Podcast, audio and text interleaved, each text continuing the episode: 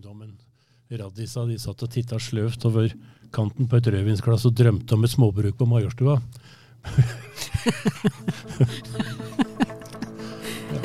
vi har vel kommet litt lenger i det.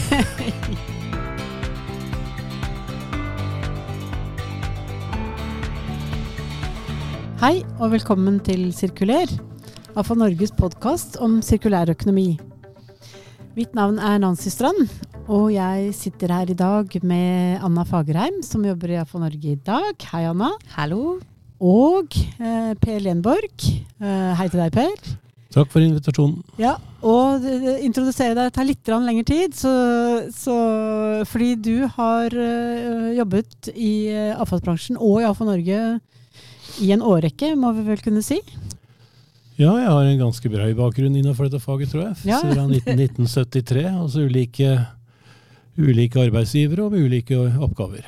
Ja, så det, det trenger vi en podkast for å snakke om. Så det vi virkelig skal snakke om i dag, det er jo eh, hvordan denne bransjen har utviklet seg på de 50 årene. Så eh, da sier vi bare hjertelig velkommen. Og, du, eh, vi kan jo være litt navlebeskuende fra starten av, vi. For AFO Norge ble jo starta for eh, eh, Ja, det er vel kanskje på den tiden, eller litt seinere. Ja. og da het det ikke for Norge. Da het det Norsk renholdsverksforening. Ja.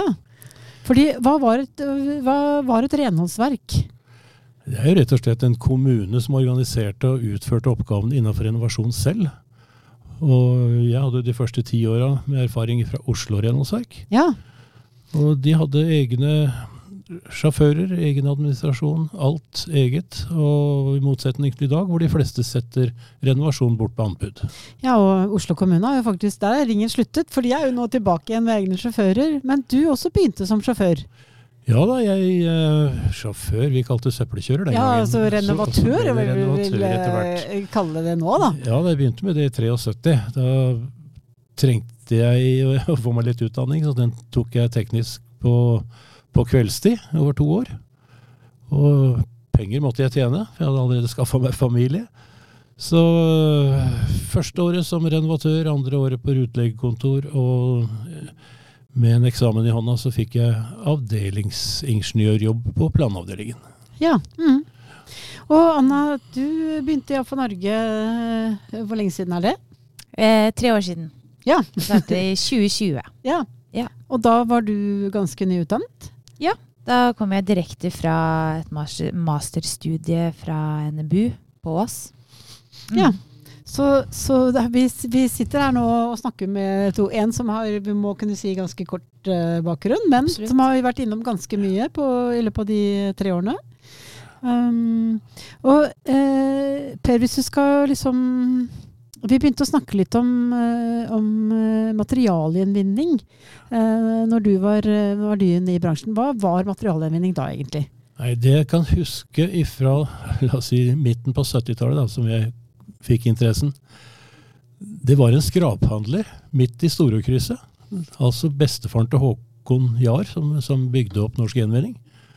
Nettopp. Ja, Og Storåkrysset, altså midt i Oslo, rett og slett? Ja, ja, midt i Oslo. Adolf Jahr het den, eh, den skraphandleren. Og andre skraphandlere også, selvfølgelig, for jern og metall har det alltid vært marked for. Men så husker jeg også at det gikk noen biler fra griseoppdrettere rundt på sykehus, restauranter og henta det vi kalte for skyller, altså matavfall. Som de bare tok med hjem til gården og, og, og fôra grisene med. Mhm. Det er det første jeg kan huske. Det tok litt tid før det ble organisert papirinnsamling, i kommunal regi i hvert fall. Det hadde vært noen idrettslag og musikkorps som hadde samla inn på egen hånd, men uh, ikke noe organisert. Så det Mm. kom etter hvert. Mm. Og, og jeg husker uh, Vinmonopolet tok jo vinflasker tilbake igjen. De kunne pante på et hvilket som helst pol. Det kunne de absolutt. Vi skjønte Så- jo ikke noe når de kutta ut det, men eh, det er vel en ordning som har, har gått seg til, det.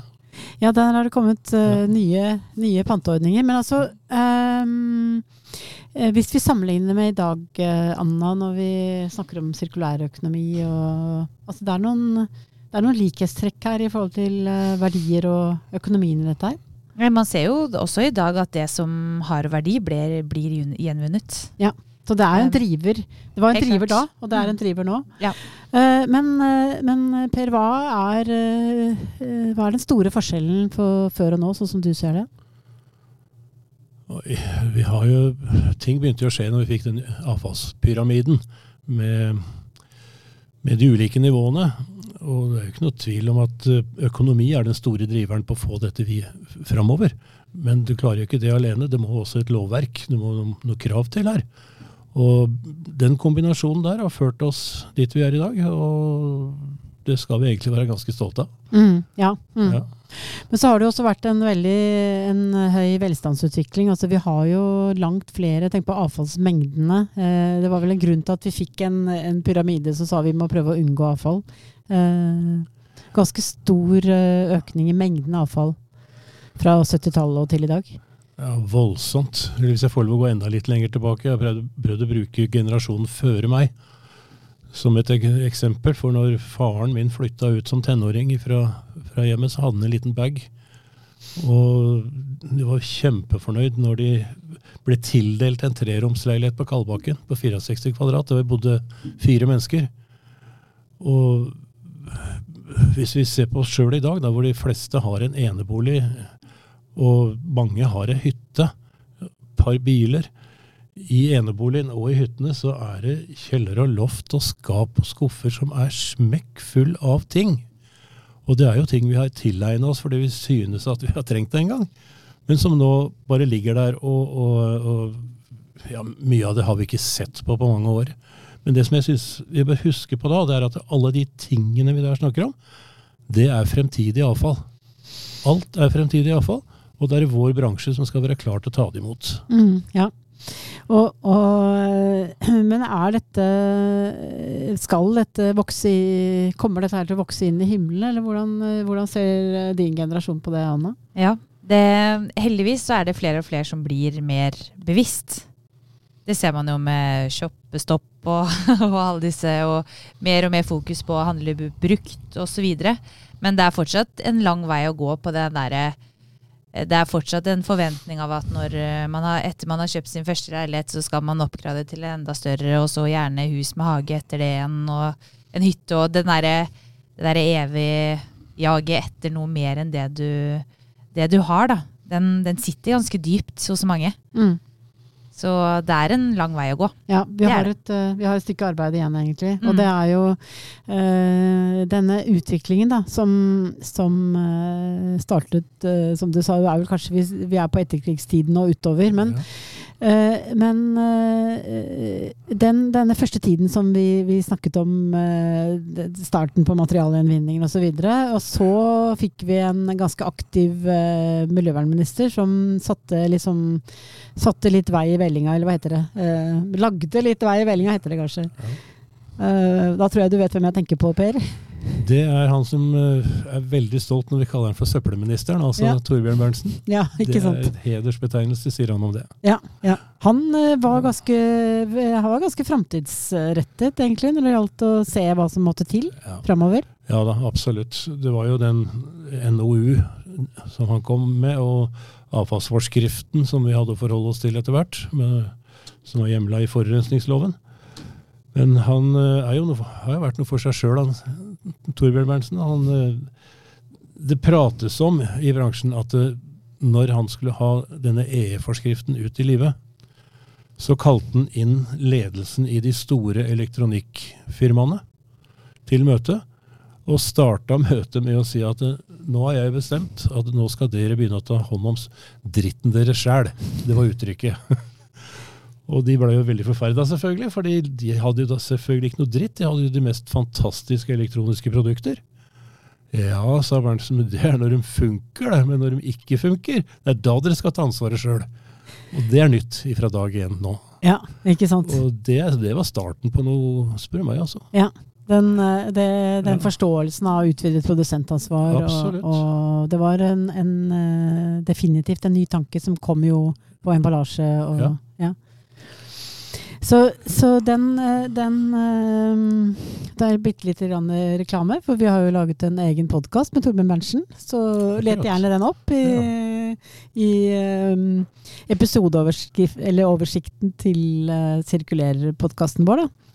Så, men det var en annen veldig viktig som, uh, En annen viktig milepæl uh, for denne bransjen, og det var jo det som bare går under navnet deponiforbudet. Um, så kan ikke du si Hva var, hva var deponiforbudet?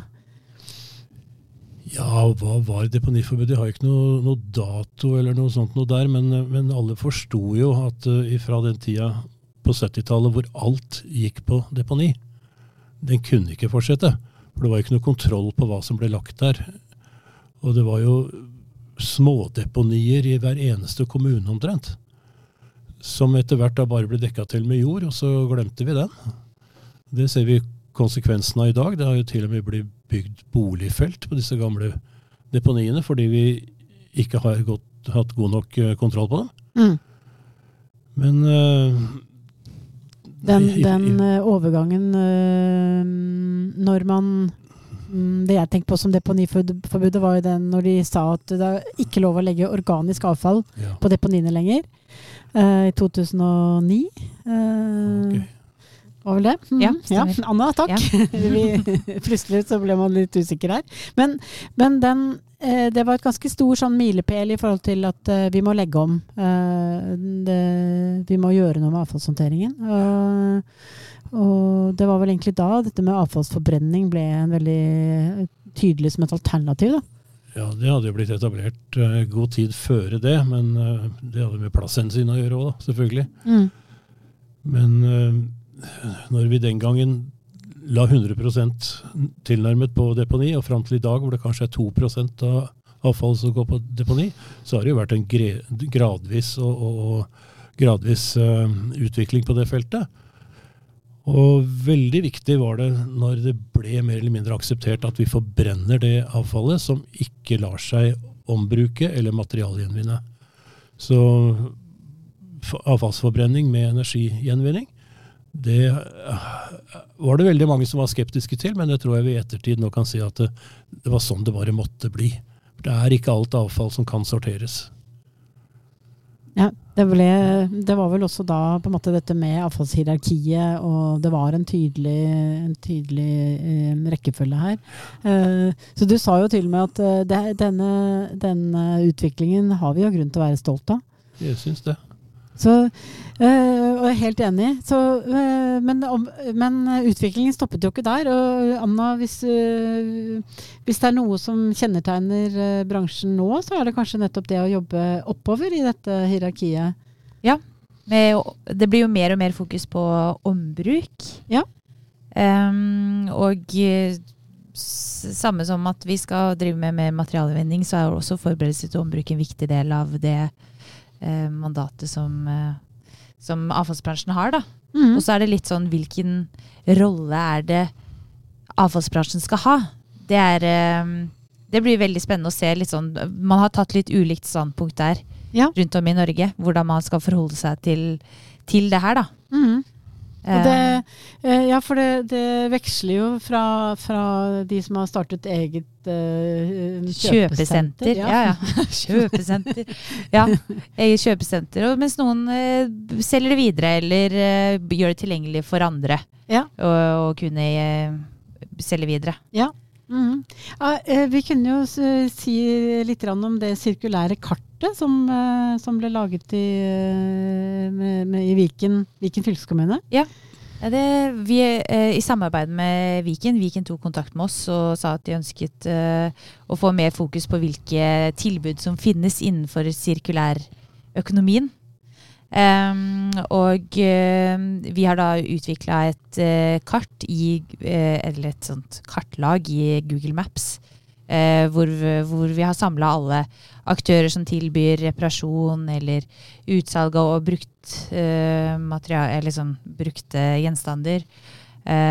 og ja, bare for å synliggjøre de tilbudene som faktisk fins. For det ofte så er det Det fins veldig mange små aktører som ikke har ressurser til å eh, markedsføre seg selv. Så ja. Mm, ja.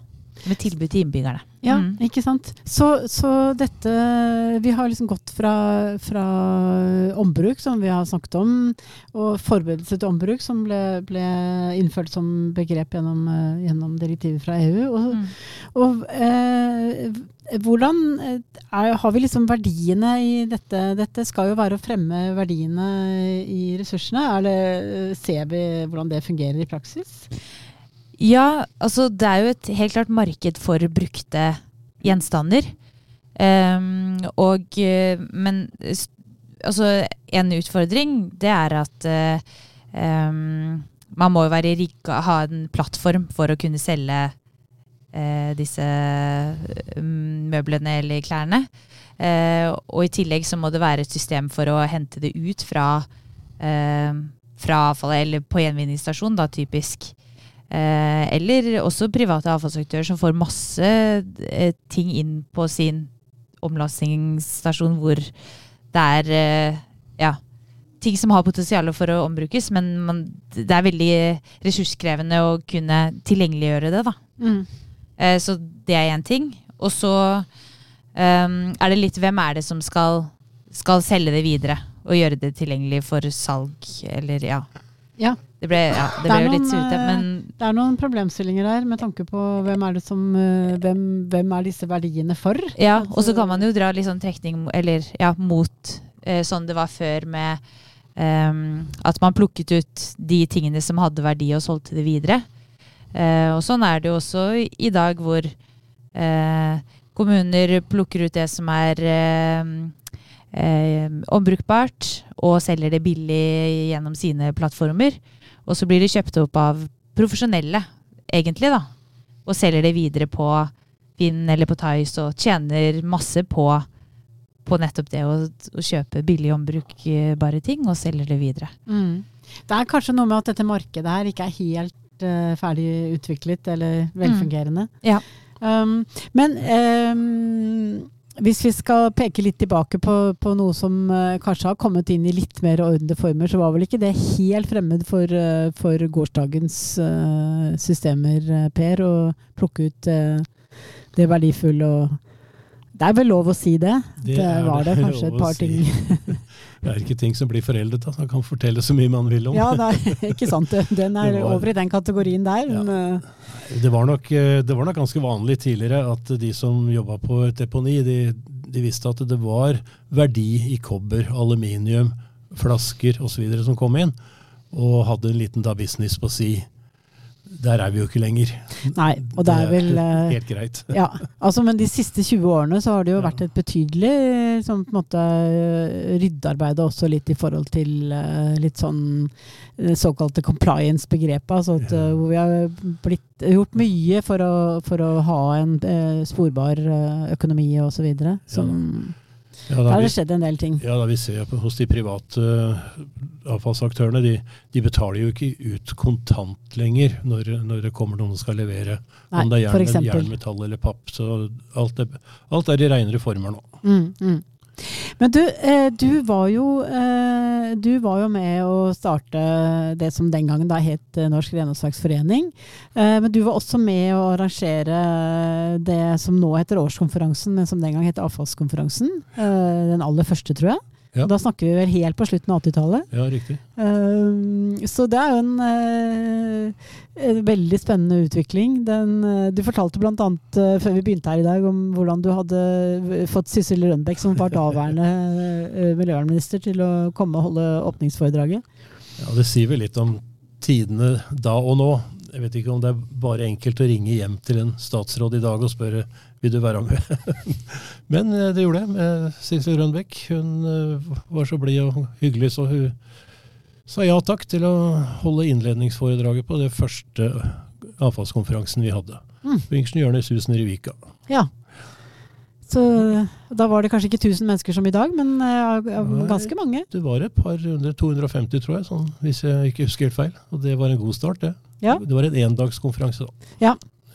Så en, eh, det er en liten sånn artig anekdote, syns jeg, fra, fra den gang man kunne ringe miljøvernministeren midt i oppvasken. Ja, jeg synes det var det. så, men altså eh, i, i, vi snakket litt om dette med ombruk og, og For at dette her med hvordan man kunne på en måte, ja, levere ting til loppemarked og Det har liksom vært en, en gang der, for å, for å, kalle det det. Og som, på et eller annet tidspunkt så kom jo dette tilbake. Det var jo litt sånn som du sa i stad, Per, at uh, alt blir jo til syvende og sist avfall en eller annen gang. Mm. Uh, men det har vært en uh, det, Dette her med liksom hvordan man kan bruke loppemarked og Det, det har liksom vært en, uh, en, et tema i, i, bransjen i mange år. Ja, da, absolutt. Det var jo til å begynne med så, så, så, var, jo, så var jo nesten et deponi og et, en liten administrasjon i hver eneste lille kommune. Før man skjønte at dette har vi mye bedre orden på hvis vi slår oss sammen. Interkommunale selskapene er jo de som, som, som regjerer i dag, og som i aller høyeste grad har vært vellykket. Men kommunene prøvde jo alltid å si vi skal, vi skal ha en orden på avfallsinnsamlingen, men vi skal også dyrke de gode løsningene som er her i dag. Så når det lokale idrettslaget eller musikkorpset hadde papirinnsamling, vel, så la man seg ikke opp i det.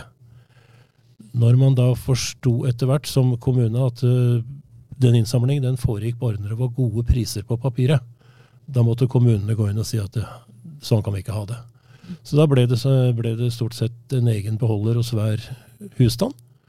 Og da ble papiret samla inn, og det var en av de første fraksjonene som ble tatt ut av husholdningsavfallet på permanent basis. Og, og det foregår også per i dag.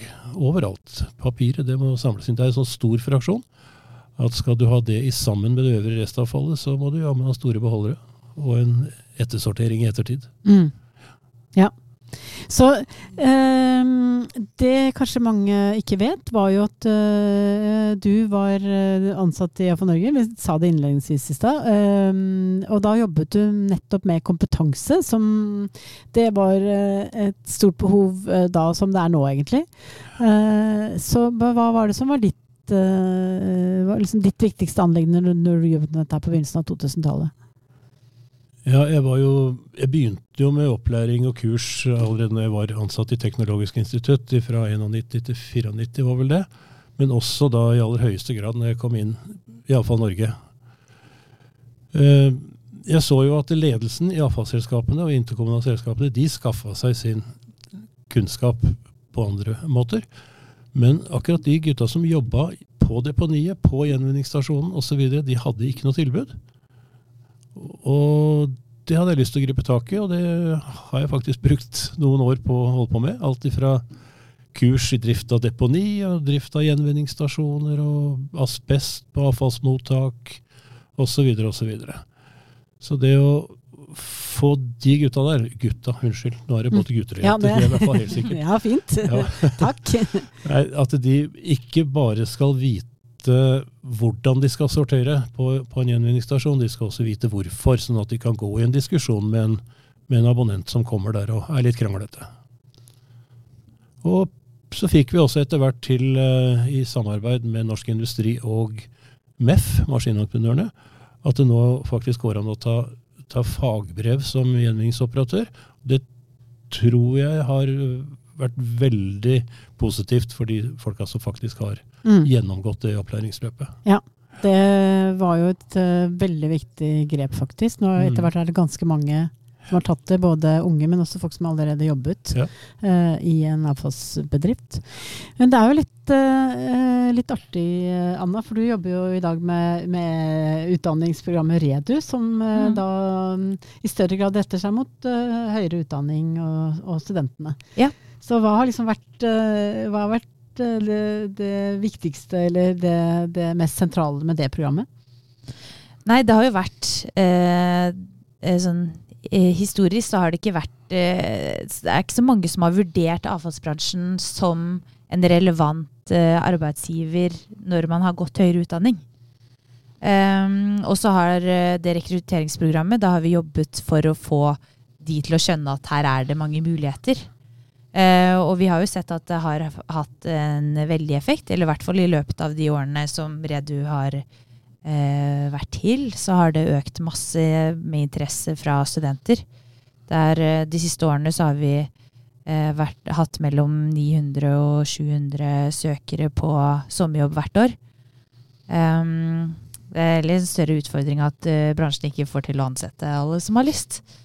Så det er, eh, det er veldig gøy. Det er jo det at man ser at det er enda er flere og flere da, som får øynene opp for, for avfallsbransjen. Mm. Og også, en annen ting også er jo at uh, man ser at det er flere og flere andre bransjer som får øynene opp for avfallsbransjen. Sånn, ser Ja. at her er det samarbeidsmuligheter og um, ja. Jeg skjønner at uh, avfallsbransjen må ha finger, en finger med i spillet, da. Mm. Um, Så, ja. så en del av disse som har gått av Reder-programmet, og for så vidt andre, har jo kommet inn i bransjen. Uh, vi har fått uh, nettverket som bare går under uh, forkortelsen UiG. Mm. Så kan ikke for, for, altså Det vil si unge i gjenvinningsbransjen. Så Stemmer. hva har, hva har liksom vært Hvilke temaer er det som man har hatt mest på dagsordenen, og hva er det man diskuterer mest ja. I den Nei, sammenhengen? det er jo, vi er jo et veldig bredt spek... Eller vi kommer fra hele avfallsbransjen. Så sånn generelt eh, erfaringsutveksling og litt sånn hva man, hva man de ulike jobber med, og hvilke ting som angår dem på deres arbeidsplass, veldig, er veldig interessant. Og så bruker vi også å leke mye med sånn eh, scenarioer. Sånn her, hva hvis eh, det, er, det er veldig gøy. Man har så mange ulike bakgrunn. Mhm. Ja. Og, og en ting dere har, eh, har gjort, er jo at dere har tatt initiativet til et, mentor, eh, et mentorprogram. Eller, Mm. ja. Hva har det det har gått ut på? Nei, da har vi invitert erfarne fra bransjen Ja. til å fortelle sin eh, vei inn i bransjen, egentlig. Um, og bare fortalt uh, om de valgene, veivalgene de har tatt i løpet av sin karriere. Og hvilke ting de har lært underveis. Som er, eh, det er veldig verdifullt som ung å bare se Ja, nei, man får veldig mange innspill da på ja, og så har det vært veldig sånn lavterskel at man har kunnet hatt nesten en samtale gjennom pre hele prestasjonen, sånn at man har hatt en veldig sånn fin dialog underveis. Så det ja, Ja. et artig konsept. Ikke sant. Så Ja. Per, jeg vet ikke om du melder deg til Ja, si det. Jeg har, jeg har gjerne lyst til å si da, at det, dette har jo ikke vært noen statusbransje, for å si det mildt. Nei. Nei, du, du har ikke gått og skryte av at du har jobba med avfall og gjenvinning, men, men jeg tror nok de fleste forstår betydningen av det i dag. Mm. Vi var inne på det i stad, Nancy, at uh, vi- hvis vi forteller hvilken bransje vi jobber med, så, så mister folk ganske fort interessen å høre på. Men, men det er veldig veldig mange av de vi har snakka med, som- jeg kan si Hvis du er hjemme fra jobben i 14 dager, får denne konsekvenser for noen? Nei, jeg gjør kanskje ikke det. Nei, Men hvis renovatøren ikke kommer, så skal jeg love deg det blir konsekvenser. Mm. Så den samfunnskritiske betydningen av denne bransjen her, den må ikke undervurderes. Altså. Mm. Ja. ja, jeg tror, eh, og jeg tror kanskje at uh, nettopp det at vi nå har eh, begynt å snakke om sirkulær økonomi, og virkelig den forståelsen av den rollen i samfunnet, har gjort mye med det er vel ikke en student eh, som i hvert fall jeg har snakket med, som, eh, som kommer innom her som sier Jeg ante ikke at det var så mye spennende å ta tak i her, da. Mm. Så, så vi, vi skal gå inn for, for landing, selv om jeg vet at det er veldig mye som, eh, som vi kunne snakket om. Jeg skulle gjerne hørt flere av historiene dine, Per. Men hva, hva, tenker, du, hva tenker du om framtida, når, du- når du ser bransjen nå litt fra, litt fra utsida? da? Jeg tror vi har kommet ganske langt hva gjelder tekniske løsninger osv. Men så er det jo ingen løsning som blir noe bedre enn det brukeren gjør den til. da. Så hvis vi har lagt til rette for en veldig flott kildesorteringsløsning i hjemmene i, i landet, så, så, så hjelper jo ikke det hvis uh, folk kaster matavfall i restavfallet. Da, da er du like langt. Og en ting som jeg syns ser veldig skummelt ut nå, det, det er at uh, sånn, mange kommuner deler ut gratis plastposer til mat og plast i butikkene, uten noe registrering på noe som helst vis. Og så skal butikkene ta over fire kroner for en bærepose. Da er jeg redd for at det er mange som tar med seg disse gratisposene og bruker dem til restavfall, og da er sorteringsanleggene virkelig i trøbbel. altså. Ja, den, er jo, den diskusjonen er jo i full gang. Hvordan, gjør Ja. vi, hvordan løser vi det? Så, så det er, tror jeg er inne på noe, altså. Så når du tenker fremover, eh, eh, Anna, hva tenker du? Ja, Det passer jo egentlig godt som en fortsettelse av det der. Det er jo det der eh, behovet for samarbeid. Eh, og veldig, veldig troa på, på, enda mer samarbeid i, på tvers av bransjer og verdikjeder. Um, og hvor vi kan se nye forretningsmodeller og um, Ja. Man kan tenke litt nytt sammen, da. For det er, eh, det er fortsatt mye som må skje framover. Mm, ja. Det har et veldig potensial. Det er mye potensial. Ja. ja. Og det, jeg vet, eh, Per, at du hadde en, sånn, du hadde en liten eh, hjertesak. Så kan hende at det blir Som hadde, hadde noe med en, veldig, en stor avfallstype som det jobbes mye med om dagen, nemlig tekstiler. Så jeg vet ikke, er det mulig at den ja. skal få siste ord i dag? Altså. ja. Jeg var jo driftssjef i Romerike avfallsselskap, som er et stort interkommunalt selskap, også hvor vi bygget et veldig flott sorteringsanlegg. Men problemet, sto, et av de store problemene ved ethvert sorteringsanlegg, det er tekstiler.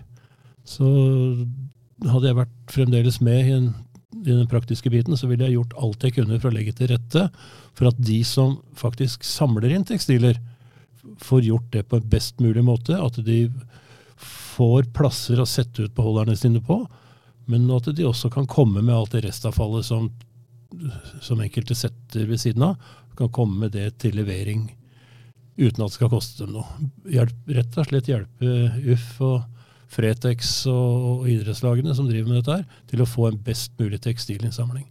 Da får du mindre trøbbel på sorteringsanleggene.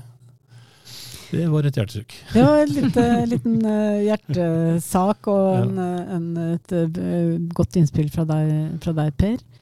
Så da tror jeg kanskje det gjenstår å takke for, for, mange gode innspill og en god samtale. I like måte. Ja, takk selv. Da sier vi takk for i dag, og en ekstra takk til Anna, som også har vært produsent i dag. Og eh, Håkon Bratland tar som vanlig etterproduksjonen. Um, og takk til alle dere som har hørt på. Vi høres igjen snart. Ha det bra.